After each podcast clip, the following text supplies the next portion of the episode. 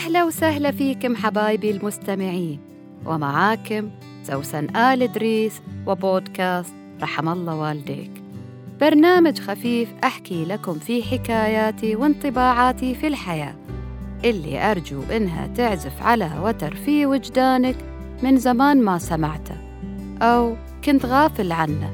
عشان بعد ما تسمعني تدعي لي وتقول رحم الله والديك.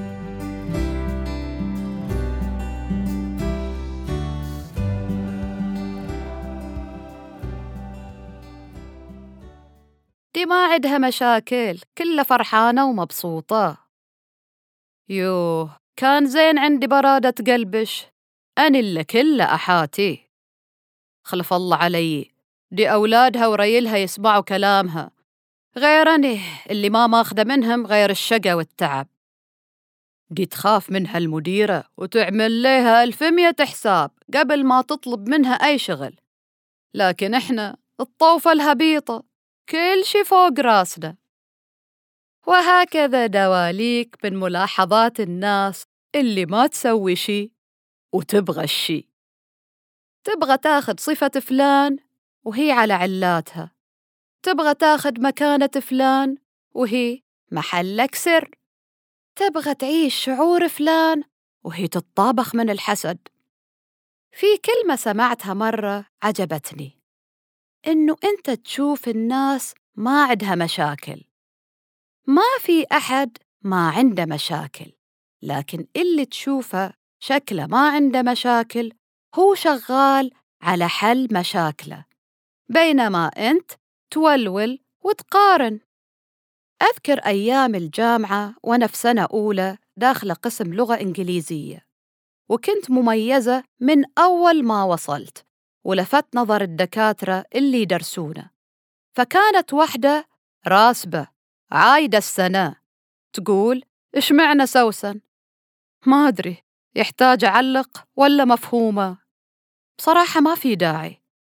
يعني ما أدري أني ميزوني لأني بنت فلان ولا من المكان الفلاني ولا ويش يا غريبة الأطوار. طالبة مشتغلة على نفسها حابة المجال اللي داخل تنة. وقاعدة تعطي فيه. وإنت اهتماماتك مات مثل العلم بصلة. كيف تقارني وتقولي معنى؟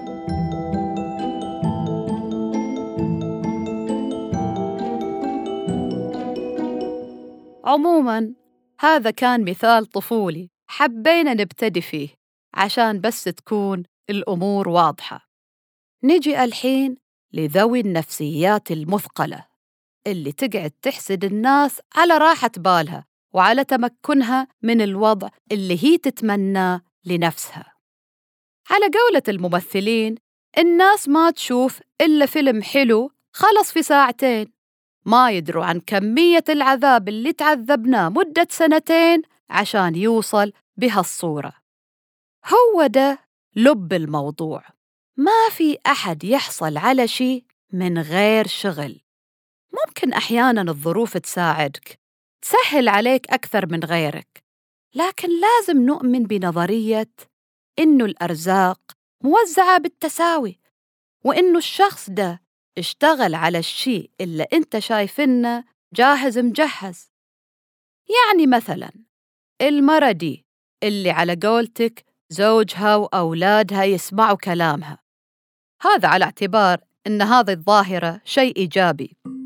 ما تتوقعي إنها بذلت مجهود وواجهت مشاكل وحلتها لعد ما صارت مصدر ثقة عد زوجها فكونت هي معاه كيان متعاون خلى أولادها يسمعوا كلمتها بالشكل اللي أنت تشوفيه بلا معاناة هل هي أهملت؟ قصرت؟ هل كانت تهمل التفاصيل والأعلام الحمراء اللي تنذر بالخطر؟ لا طبعاً. كانت واعية ومركزة على هدفها لأنه باختصار هدفها يختلف عن هدفك. أنت كان هدفك إنك ما تشغلي دماغك وتريحي نفسك من هالناحية. ومش معناته إنه هي أحسن منك أنت أحسن منها في أشياء ثانية.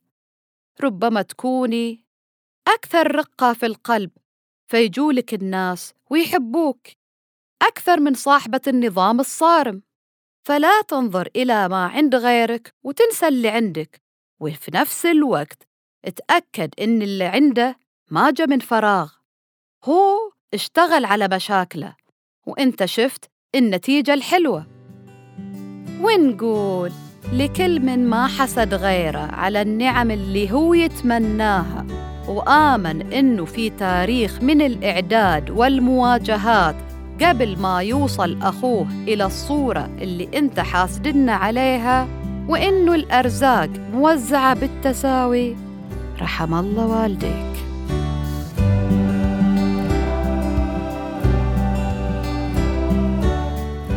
كنت معاك أنا سوسن آل إدريس.